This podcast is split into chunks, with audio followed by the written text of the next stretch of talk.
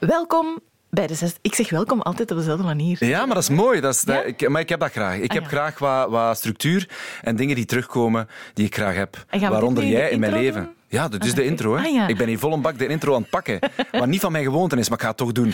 Ook namens mij eh, welkom en namens Annelies, die daarnet al welkom gezegd heeft. En die eigenlijk altijd welkom zegt op dezelfde manier. Mm, welkom. Dank je. Ja. Eh, ik zeg het speciaal extra twee keer. En jij ook, omdat het een speciale aflevering is. Want het is een bonusaflevering. Omdat, Mooi, een boon. Oh, ik had het niet door. Ah, echt? ja, omdat het over de boon gaat. Daarom, dit bleek een per ongeluk woordmopje te zijn. Alsjeblieft daarvoor. Want eh, we hebben twee bonen eigenlijk. Ehm, twee extra afleveringen. Of twee afleveringen waarin we alle genomineerden bespreken. ons afvragen of die leesbaar zijn. We hebben een vorige aflevering gehad. Dat was al plezierig. Ja, absoluut. En nu alweer vijf boeken. Ehm, het levert wel een zeer gevarieerd menu op, eh, Ja. dit soort prijzen. Want we hebben al eh, heel bijzondere dingen gelezen. En ook vandaag doen we veel bijzondere dingen. Want eh, we storten ons in de bonen. Ik zou alle woordmopjes met boon nog even willen Ja, maken. ik heb ook een boon voor jou trouwens. Oh, dankjewel. Niet meegebracht, maar gewoon Ah, spreekwoordelijk. wel, ja, ja, ja. Ehm, we hebben twee bonen uit kinder- en jeugdbonen en drie uit de fictie-non-fictie humus. Nee, oké, nu ga ik er echt mee stoppen. We bespreken vandaag de draaischijf van Tom Lanois. Dat doen we met Bent van Looy van Radio 1. Tekenen van het universum van Amy Koopman met Helene de Bruyne van Clara.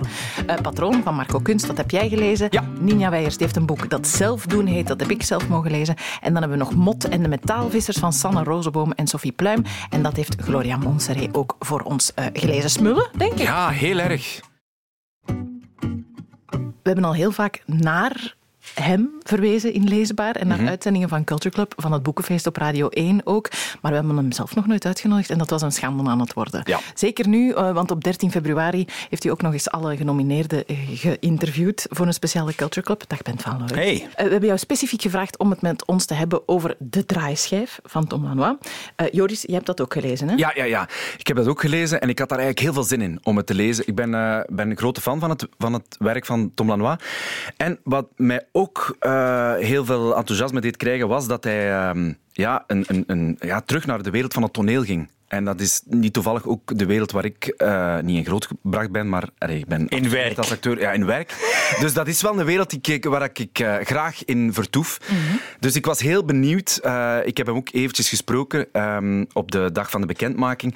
En dan zei hij van ja, ik wou eigenlijk een, een, een, een oorlogsroman eh, eh, maken in navolging van eh, Hertmans en van Jan, Olie, eh, Jan Olieslagers, zeg ik, van, van Jeroen. Jeroen Olieslagers.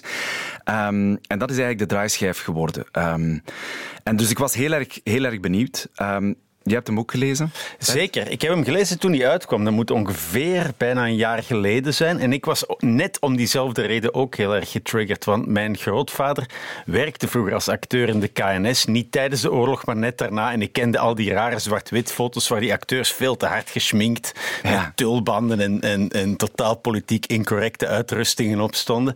En ik dacht van ja, die wereld, daar zal dat boek over gaan. En, en, en dat is ook zo. Eh, eh, we gaan naar de, naar de Tweede Wereldoorlog. Ja. Eh, eh, en het boek wordt verteld door Alex de Smet. Die eh, ja, een heel ambitieuze theatermaker is.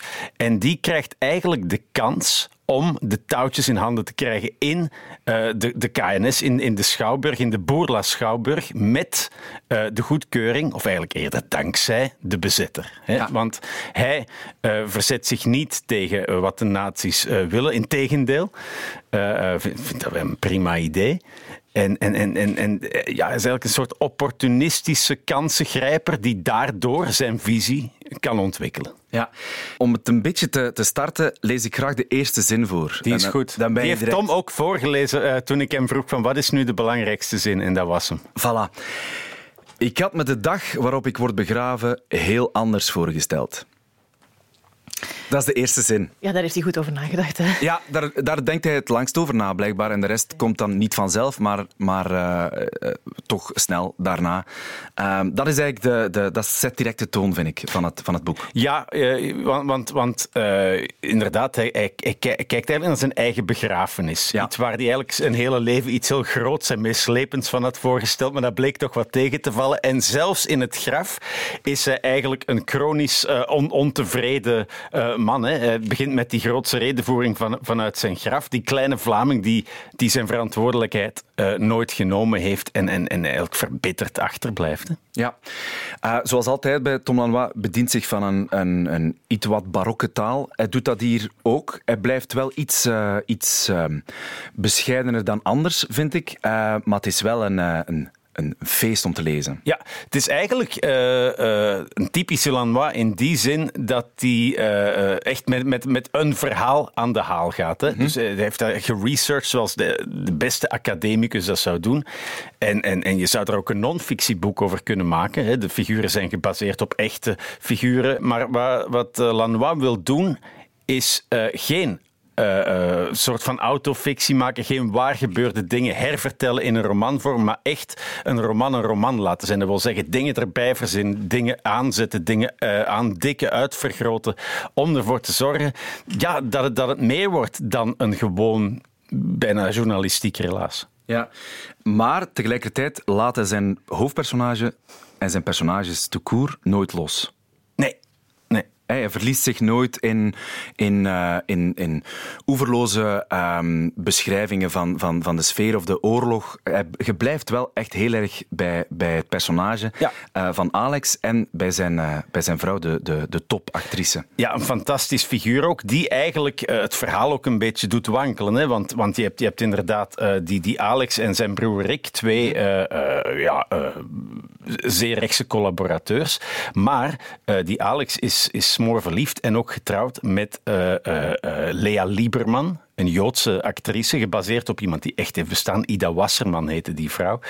En, en zij is eigenlijk zijn grote liefde en maakt ook ja, dat, dat, dat, dat heel zijn verhaal als, als collaborateur, als lid van D-Vlag een hele andere schaduwkant heeft. En dat toont, dat toont het heel schoon. Bij momenten ook echt bijzonder, bijzonder ontroerend, vond ik het eigenlijk ook. Um, die, um, die, die relatie tussen, tussen die twee. Um, de draaischijf. Bent. Wat is dat? Ja, wat is dat? Ja. Is dat voor veel dingen symbool? Onder andere voor zijn ambitie. Hij wil, hij wil het allergrootste Germaanse theater maken en daarvoor moet, uh, uh, worden kosten nog moeite gespaard en moet dus ook zo'n zo'n zo'n draaischijf is in die tijd het allerhoogste. Dat is een soort mechaniek onder het podium die maakt dat je decors kan rond laten draaien. Maar ja, hij, hij, hij draait ook zijn, zijn persoonlijk leven rond. Hè? Ja, ja. Ah ja, oké. Okay. Dat had ik nog niet bekeken. Hè. Ja. In, in, principe zijn ze allemaal kanshebbers uh, op, uh, op die Boon Literatuurprijs, maar is dit een van de grotere kanshebbers voor u? Ik denk het wel. Ik denk het wel, omdat het, omdat het ja, een beetje alle essentiële deeltjes van Tom Lanois toch verenigt. Het is een heel politiek boek, het is een taalspel, het, het, het gaat over theater. Uh, ik, ik, denk dat dit een, ja, een kanshebber is. Oké. Okay. En dus, want daarnet zeiden jullie van naast een Jeroen Olieslagers en een Hertmans, Aha. wilde Tom Lanois ook zo'n boek uh, schrijven. Ik denk eerder, ah, maar dan heb ik al zo'n boek gelezen, maar als ik jullie dan hoor, waarom is het dan anders?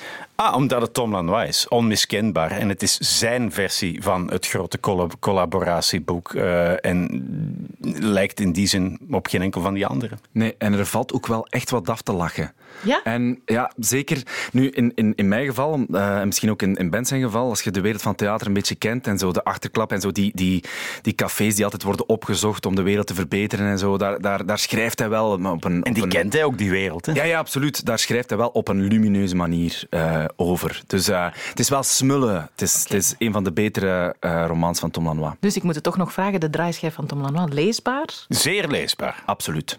Oké, okay, duidelijk. Dankjewel, Ben. Merci, Ben. Dank u.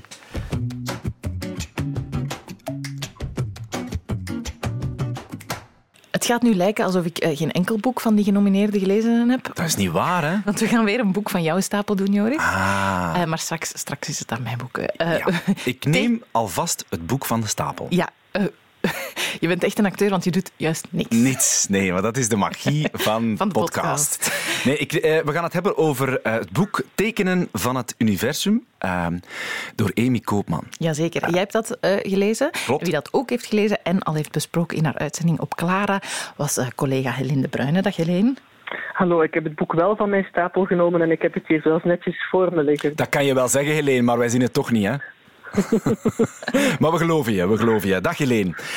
Ehm, Hallo. We gaan het hebben over uh, tekenen van het universum. Um, heel kort, dat gaat over... De, de, de ik-figuur is uh, ja, Amy, Amy, zelf, Amy Koopman. Um, die uh, ontmoet tijdens de opnames voor een televisieserie die, ja, waar het eigenlijk later ook niet zoveel meer over gaat. ontmoet ze een, een fixer die omschreven wordt als A. Uh, Misschien even, sorry dat ik je onderbreek hoor, ja. maar sommige mensen denken aan een drugsdealer bij het woord fixer. Dus dat is gewoon iemand die, uh, ja, voor die, de duidelijkheid, ja. iemand die interviews en zo regelt voor zo'n reeks. Voilà, en uh, interview is um, fixed eigenlijk, ja, klopt. Geen drugs. Mooie nuance. Ja, goede nuance. Ja. dus geen drugs in dit verhaal, um, toch niet op het eerste zicht. maar zij, ze ontmoeten elkaar en ze krijgen, ja, zij krijgen een beetje een... een, een um, ja, hoe, hoe moet je dat omschrijven, Helene? Ja, zij, het, er wordt zeker geflirt, er hangt iets in de lucht en daarna gaat zij terug naar Nederland en dan smacht zij vooral heel hard naar hem en omgekeerd is het niet zo duidelijk hoe hard er precies gesmacht wordt. Mm -hmm.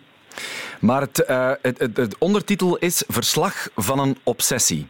En dat is het wel een beetje. Ja, van haar kant uh, zeker. Ja. En daar is ze ook wel eerlijk over.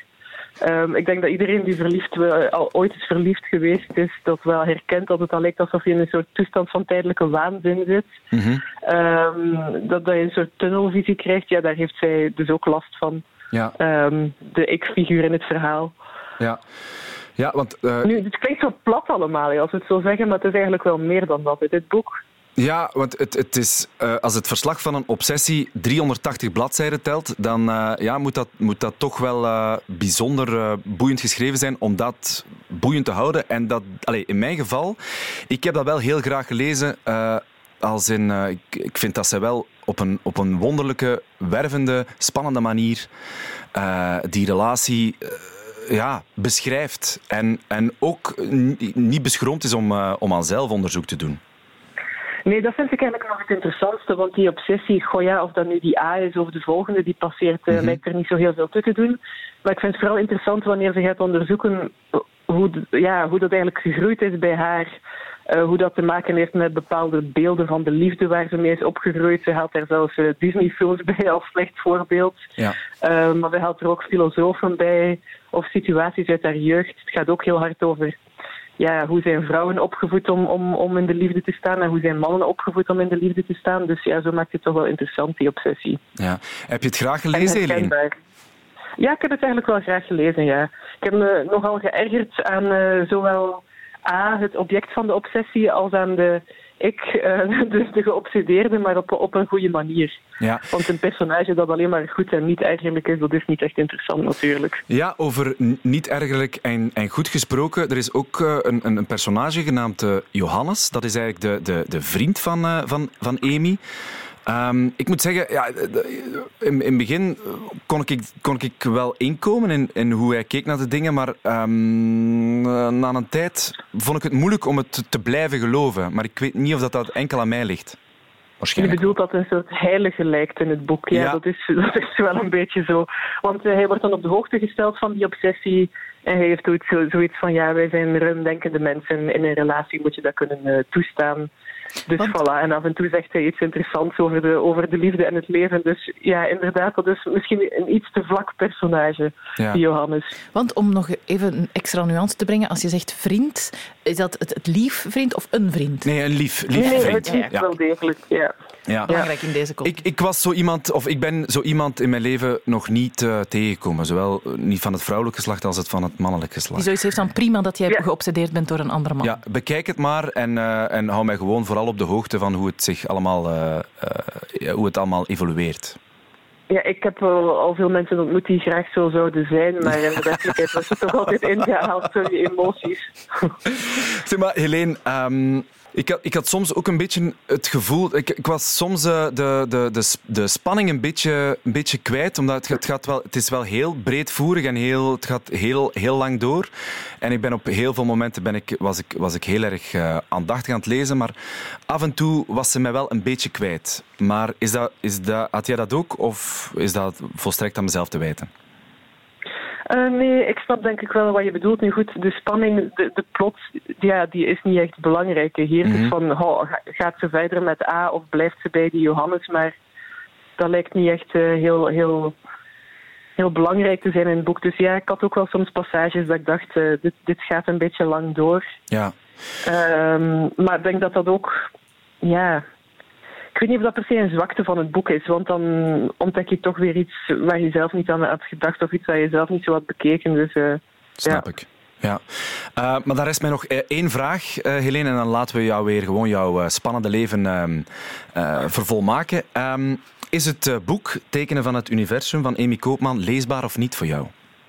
Ja, dat is eigenlijk wel een goede vraag. ik heb er toch een tijdje over nagedacht. Ja tijdens het gesprek. dat is toch al een tijdje. Ja. Um, maar ik denk dat het toch vooral leesbaar is voor mensen die al, uh, die al enige ervaring hebben met het lezen van boeken en essays. Want het is ook een beetje een mengvorm hè, tussen roman en, en essays en autofictie. Mm -hmm. um, dus ik zou het zeker geen makkelijk boek noemen, maar voor iemand die er de tijd en de energie voor heeft, is, vind ik het wel leesbaar. Oké. Okay. Zij benoemt het een boek voor iedereen die lief heeft gehad en heeft verloren. En die veel boeken ja, heeft gelezen. Ja. Okay. En hoeveel inlevingsvermogen die lezer heeft. Uh, natuurlijk kan me wel voorstellen dat er mensen zijn die heel ver van het hoofdpersonage afstaan en die, uh, die zich dan een beetje gaan vervelen. Maar dat ligt dan meer aan hen dan aan de auteur. Oké. Okay. Een gesprek vol nuance vond ik dit. Ja, heel, heel fijn. Dank je wel voor uh, jouw nuance en om vooral aan de telefoon te blijven, hè, Helene. Jullie bedankt. Salut, hè. Dag, Helene.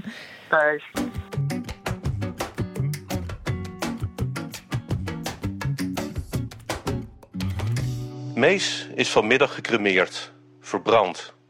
Ik was er niet bij. Mocht er niet bij zijn, kon er niet bij zijn. Dat zouden Mees ouders niet aan hebben gekund. Dat zou niemand aan hebben gekund. Ik ook niet.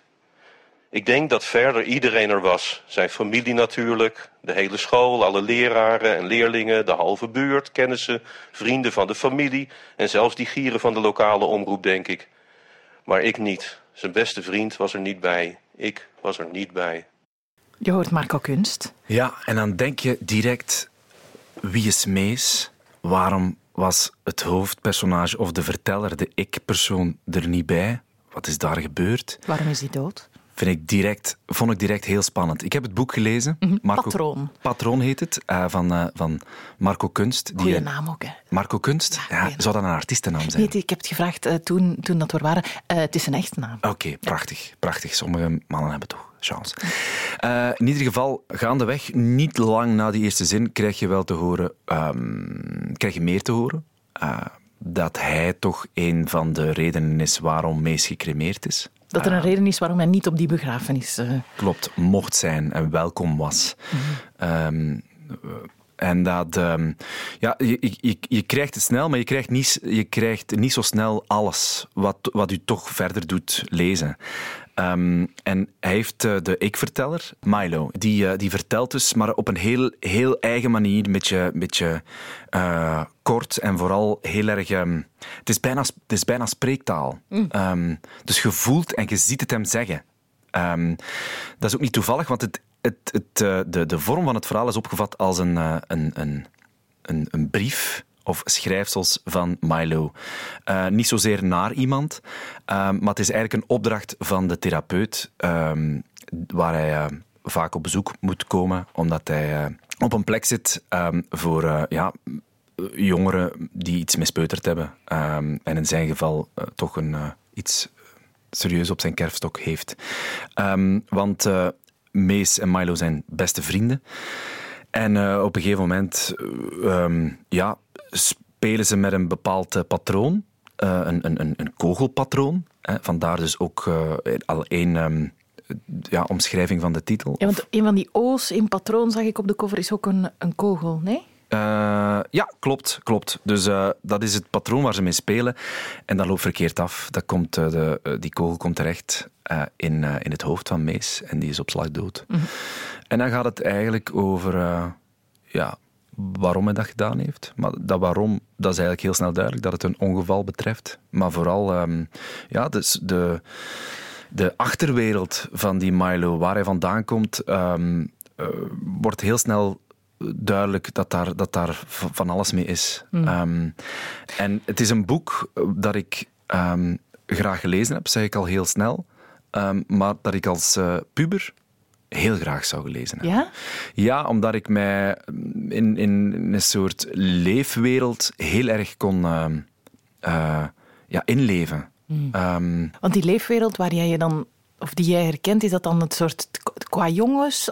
Want op zich het idee van we gaan spelen met een kogel. Ja, ja, is, is, is, is niet zo gek. Zeker voor. voor allez, uh, uh, Ofwel? Ja, goh.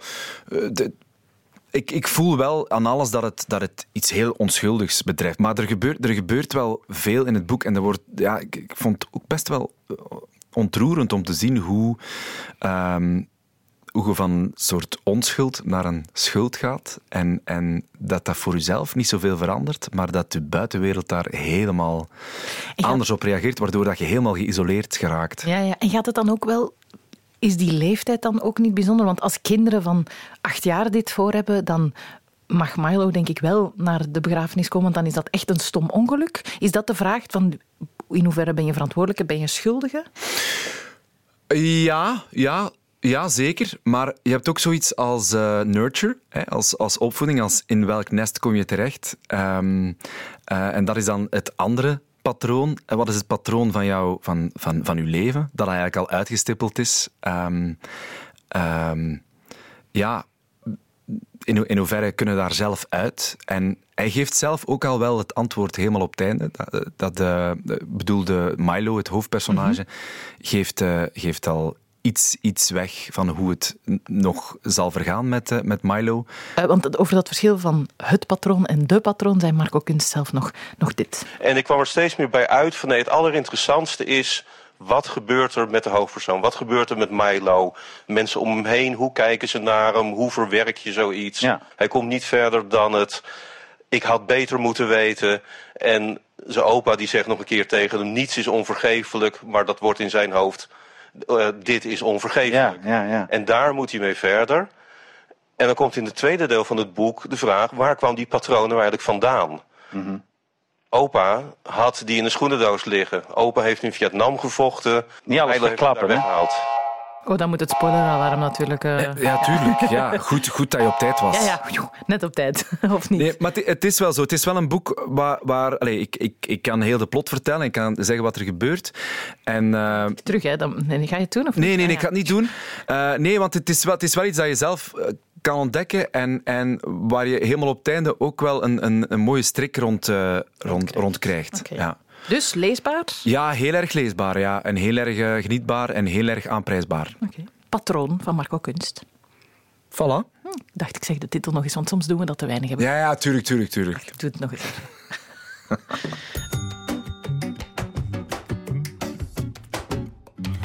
En dan uh, staat er plots een column eigenlijk op de shortlist uh, van de Boon Literatuurprijs. Ja. Het, het, is eigenlijk een bundeling van columns zelf doen. Zijn uh, nu prijs? In plaats van prijs? Is dit wat we gaan doen? Zowat elkaar op... Nee, ja? helemaal niet. Maar ik dacht... Ik, hey, het zou kunnen dat ik pladijs ook zei. Tien boeken is best veel. Ja, ja, het is waar. We zijn een beetje moe. uh, hoewel we ze met plezier natuurlijk gelezen hebben.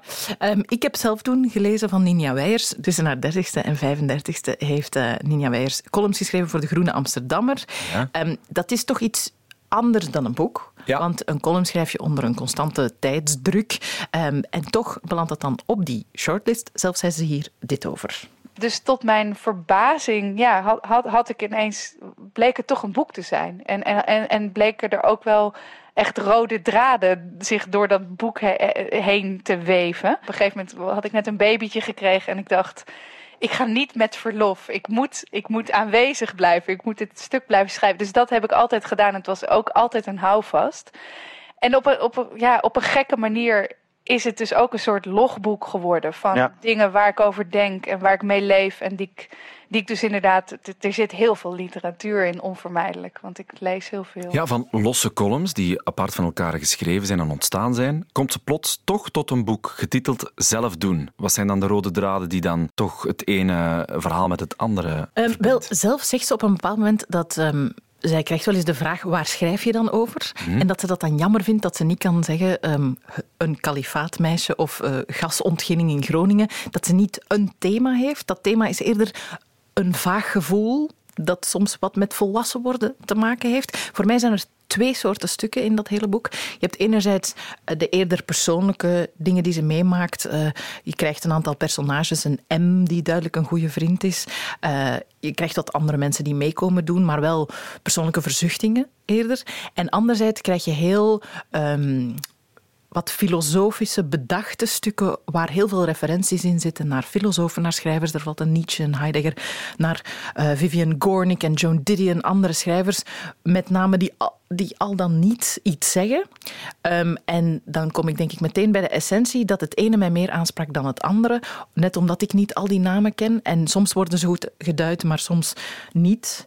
Ehm, Terwijl die persoonlijke verhalen, mij- ik heb wel heel vaak zitten grinniken daarmee. Eh, soms kleine dingen. Op een moment, eh, een van haar vrienden koopt hele grote planten, waarop zij alleen maar kan zeggen, ja, je weet dat als je die dan geen water geeft, dat je heel grote dode planten hebt. Eh, dat soort dingen, dat ik denk, ja, dat, dat is geestig. Ze raakt ook aan een gevoel wat heel erg gaat over opgroeien in deze wereld, in je dertiger jaren zijn, in de, of ook ruimer. Ehm, dus er zaten heel veel goede observaties en vragen in, eh, die ik heel graag gelezen heb. Als het gaat over wat maakt columns tot een boek, er was één punt dat ik dacht, ah, ju. En dat was dat er stond, in dit blad lees je dan dat. Of. Ah, ja. Dat ik denk, ah, dan moet je toch, vind ik, een beetje een aanpassing doen aan die columns. Dat dat, want dan haal je mij eruit. Ik ben een boek aan het lezen. Ja, ik ben ja. geen columns aan het lezen. Ah, Oké. Ehm, Ja, dat dus zijn details die u daar dan wel uithalen, dat Ja. snap ik wel. Ja, Ja. dat vond ik dan jammer. En dat kunnen referenties ook. Dan val ik soms wat... Dan voel ik me dom. En dan denk ik, ah, dan moet ik eerst nog Vivian Gornick gaan lezen voor ik hierin verder kan. Terwijl dat is natuurlijk niet helemaal nodig. Nee. Ehm, en heel vaak... Ik, heb, ik had eerst opgeschreven, die re- vele referenties storen me niet. En naar het einde van het boek heb ik het toch moeten aanpassen.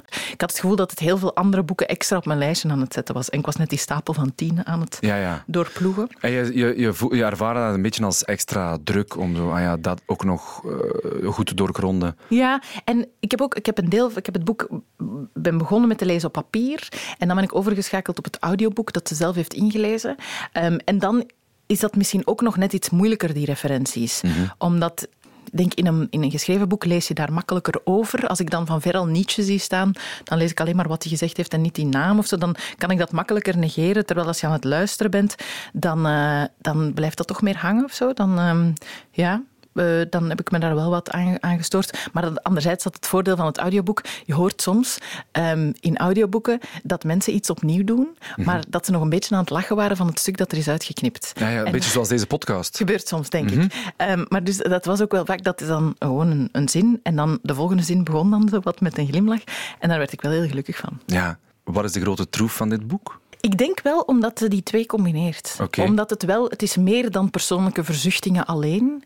Ehm, ik ben ook gewoon wel iemand die heel graag persoonlijke verzuchtingen leest. Dus ik stoor me daar niet aan, maar ik merk wel dat dat soort boeken weinig genomineerd worden. Ja. Ehm, dat iemand, bijvoorbeeld een Joan Didion, een Amerikaanse schrijfster, die met een zekere afstand naar de dingen kijkt en net, die schrijft over hele heftige dingen. Het verliezen van een man, op heel, heel plots een verlie- verliezen van een dochter.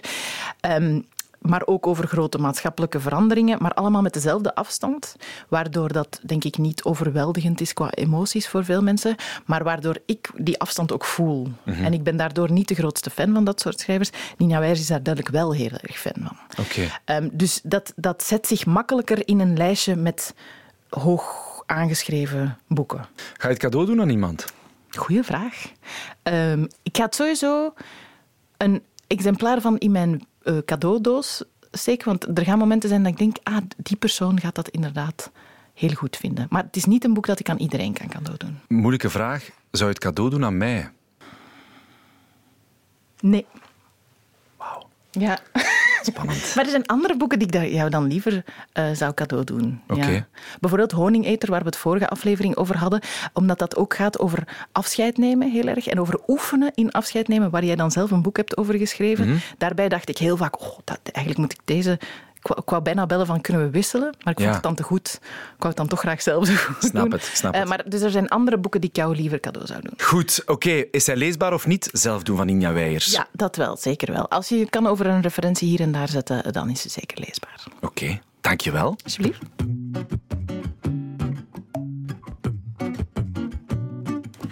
En zo zijn we plots al bij het laatste en het tiende toch. boek. Eh, dat is het boek Mot en de Metaalvissers van Sanne Rozenboom en Sophie Pluim uit de kinder- en jeugdcategorie van De Boon. Ik heb dat gelezen. En ehm, er heeft nog iemand dat gelezen. Iemand die ik toevallig heel veel op mijn tv heb gezien net. eh, want ik heb naar Hotel Romantiek gekeken. Ah, daar heb je nu beklaagd waarschijnlijk. Waarom? Daar heb je niet beklaagd. Ah, nee, niet. Ik dacht, Jij zei echt, sorry. Nee, nee, nee. Nu moet je niet doen alsof je dat zei, want jij zei, dat heb je nu Ah beklaagd. ja, maar jij moet nog aangekondigd worden, dus jij mag nog niet spreken.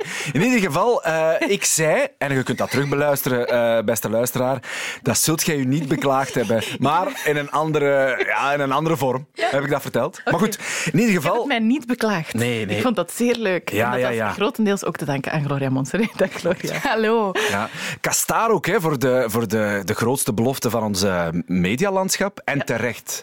Dat is de enige prijs die ik echt terecht vond, die avond. Dat is echt waar. Het is met blozen en al. Ah, en met Bar, Bar Peters ook. Ah ja. Dus je mag, je mag het delen met eh, Bar Peters. Gloria, fijn om jou te zien. Ja, ik ben super blij om hier te zijn. Dank je wel dat ik mocht komen. Eh, we hebben het over boeken. Boeken, is dat iets dat nog eh, een plaats heeft in uw drukke medialeven? Zeker. Ik heb ook een vader die mij elk jaar meerdere boeken cadeau doet. Een goede vader, dus. Een hele goede vader, de, echt waar, die heel veel weet ook over boeken. Dus dat is superleuk. Ik heb net zo drie Russische romans gekregen. Heb ik nog niet gelezen. Ah, wel ja, je kunt ze wel krijgen, maar lees ze dan ook. Want ik heb er ook heel veel boeken die ik nog niet gelezen heb. Eh, Wel, ehm, eh, elk jaar steeds meer. Oké. Dus het komt wel goed, denk ik. Dat denk, dat denk ik ook, Gloria. Vraagt ze bevestigen. Ja, ja. Nee, nee, nee, het, het, komt, het komt zeer goed. We gaan het hebben over een boek dat jullie, dames, eh, gelezen hebben. Mot en de metaalvissers van Sanne Rozenboom. Zeker. Eh, zal ik kort, heel kort het begin schetsen, eh, Gloria? Ja. Eh, Mot is een, eh, een meisje. Het is het, eh, toen ik kon spreken met Sanne Rozenboom, ze, zei, ze omschreef de wereld waarin Mot woont als een wereld die net niet de onze is. Dus het is geen echte sprookjeswereld met monsters en, en zo, maar er zijn wel dingen die gebeuren die wij niet zo vaak tegenkomen in ons leven. En Mot gaat metaal vissen. Dat is in het kanaal dat daar ligt een magneet eh, in het kanaal gooien en zien wat er gebeurt. Ja. Dat mag ik zeggen zo, Gloria? Ja, zeker, zeker. En wat voor personage vond jij Mot? Want dat is eigenlijk heel belangrijk, vind ik, voor dit boek. Dat is Mot zelf. Ja. Ja, Mot is het hoofdpersonage en je volgt haar eigenlijk heel de tijd. Je zit ook echt mee in haar hoofd, want ze zegt ook heel vaak wat dat ze voelt en hoe dat ze dat voelt. En dat vond ik superleuk. Bijvoorbeeld, als haar mama iets ging zeggen waar dat ze verdrietig van werd, dan zei ze, "Bah, ik voel het weer in mijn maag en in mijn hoofd. En ik weet niet, ik vond dat super fijn om mee te, te ja, hoe zeg je dat, te varen of zo, op Mot haar emoties de hele tijd. Ik vond dat echt een heel tof hoofdpersonage, want ze weet het soms nog niet goed allemaal, maar ze komt er uiteindelijk ook wel uit en ze is wel slim, hè? Mhm. Ja, en haar moeder is ook wel belangrijk, want eh, zij noemt zichzelf eigenlijk Mot, dat, dat is haar naam, maar officieel heet ze Vlinder, wat dan logisch is als je erover nadenkt. Eh, Haar moeder wilde graag een soort fleurig, huppelend, kleurrijk, blond, wapperend kindje.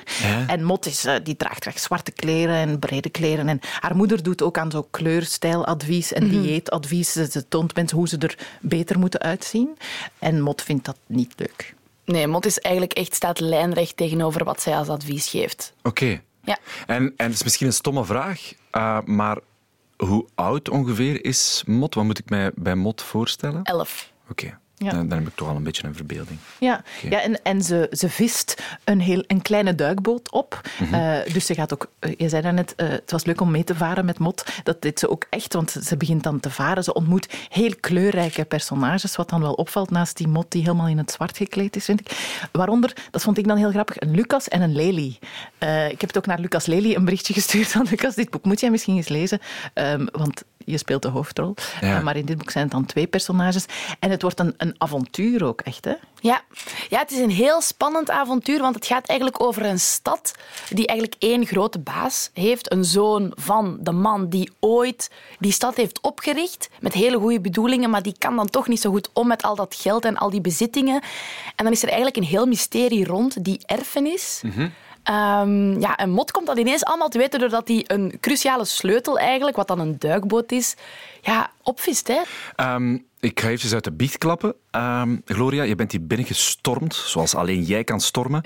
En je zei, sinds wanneer is een kinderboek zo dik en vooral zonder illustraties? Heb je dat gemist, die illustraties? Niet somber, hè? Er zijn er wel. Ja, er, Ah, er- er zijn er. Ehm, en ik hou zelf heel erg van illustraties. Ik ga je even laten zien. Sorry. Hoe mooi ziet de wereld eruit Absoluut. van mot. Ja. Vooral ook, wat belangrijk is, is de kleur ook van de illustraties. Het is Ja. een ro- een roest.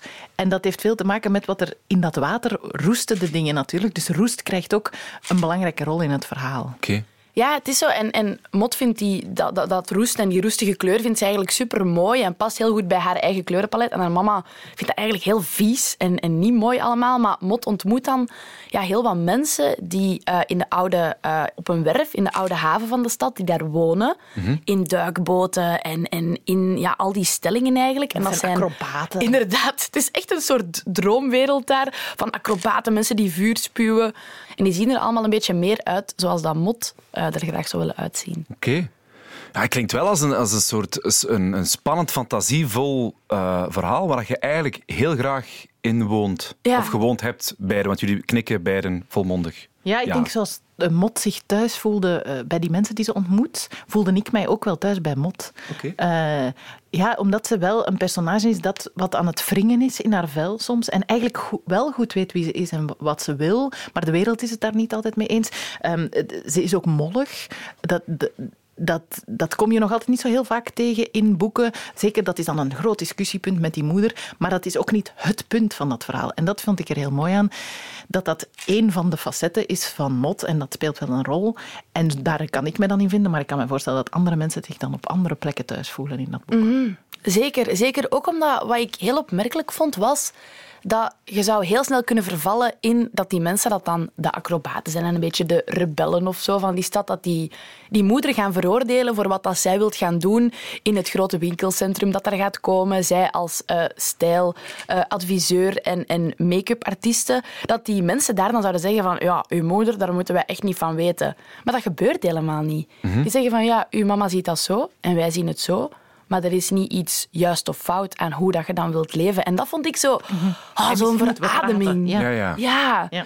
Heel, heel bevrijdend en heel, heel vrij, ook als, eh, als, als lezer. Zonder oordeel eigenlijk. Ja. Ja. Ja, dus Gloria, we moeten jou natuurlijk nog vragen. Ik denk dat we het antwoord weten, maar eh, leesbaar boek dit? Zeker. Mot en de metaalvissers van Sanne Rozenboom met illustraties van Sophie Pluim. Eh, Niet te weinig, niet te veel. Gloria blijft maar knikken van ja, ja, ja. Ja, maar het is echt, telkens als je denkt, voilà, nu hebben we het gehad, gebeurt er nog iets. Zo, oké, we hebben dat afgerond, einde. Maar nee, 50 hoofdstukken. Oké. Beetje zoals wij ook al zes keer afscheid van jou hebben genomen nu in dit gesprek. Ja, sorry hè. Een mens kan niet genoeg hallo en afscheid nemen van Gloria Montserrat. Gloria Mercia. Ah, jullie bedankt. Yes. Oké. Ja, we, we, we zijn zover. We zijn er. Mooie liedjes kennen ook een einde. En eh, dit was een, een liedje van twee afleveringen. Een bonus track. Mooi. Oh, dat je daar ook weer toch terug op komt. Prachtig. Mooi, ja, eh, Ik had het weer niet echt, maar allee. Je bent echt moe, hè? Ja, ik ben echt moe. Dat is niet erg. is niet erg. We, gaan, we kunnen nu slapen. We hebben tien boeken gelezen. Nu is het eventjes tijd. Bol. Maar we zien De wel. volgende aflevering. Ja, ja, klopt. Die staat al, die staat al klaar. In de Eh, stijgers. in de stijgers, ja. Maar ehm, we gaan uitkijken naar, eh, naar ehm, volgende, volgende uitzending. Ja, we gaan ook kijken op vrtmax.be slash vrtleesmee, want daar staan alle filmpjes op die wij gemaakt hebben, die mensen misschien op sociale media al stukjes van gezien hebben. We kijken met z'n allen uit, ook natuurlijk naar de, de winnaar van de Boon Literatuurprijs. Ja, want je kan stemmen ook voor de publieksprijs. Er zijn verschillende prijzen. Hè. Je kan stemmen voor de publieksprijs tot 26 maart. Dan kan je een weekendje Gent winnen. Dat doe je ook op die vrtmax.be slash vrtleesmee. Oeh. Eh, en dan uitkijken naar die prijsuitreiking. Wil je een pronostiek doen? Ja, Oké. De Boon Literatuurprijs gaat naar... eh, Er twee, hè. ja, ja, maar ja, eh, maar echt waar. Als we dat zo gaan doen op die uitreiking, dan gaat dat niet gaan. Hè, Maar wij moeten daar niet zijn. Hè. Nee, nee, maar toch. Stelt. Nee. Oké, de Boon Literatuurprijs in de categorie volwassenen hè, eh, Fictie, gaat, non-fictie. ja, gaat naar Tom Lanois en de draaischijf. Oké. En ehm, voor kinderen en jeugd gaat hij naar... ehm, moet ik het zeggen? Ah, Mishka van Edward van de Vendel en Anoush Elman. dus net wat ik ging zeggen. Ja? Echt waar. Ik heb het niet gelezen. Nee, maar ik heb u zo enthousiast... Ik, heb u, ik zie u zelden zo enthousiast over dingen. Ja, of Bart Moejaert kan ook, hè. Ja. Maar Ik Bart heeft, die heeft al veel hebben onze prijzen job gewonnen. gedaan. Vind ik. We hebben onze job gedaan. Nu Zwaar. moeten de juryvoorzitters en het publiek hun job doen. Ehm, We hebben alles gezegd wat er te zeggen valt. En dat afscheid nemen en zo dat oefenen in afscheid nemen, we gaan dat vanaf nu oefenen, zodat we dat tegen een volgende aflevering beter kunnen. Ja, ja, want we zijn nu heel veel aan het afscheid nemen en Ja. heel veel woorden aan het gebruiken. Maar eh, rest ons alleen te zeggen, dank u wel, Annelies Moons, voor alweer ah, een, een doldwaze dubbelaflevering. Bonus. En, bonusaflevering, mooi, prachtig. en eh, u bent bedankt om te luisteren en eh, u hoort ons eh, gewoon eind maart terug. Ik kijk er naar uit. Dankjewel. Joris.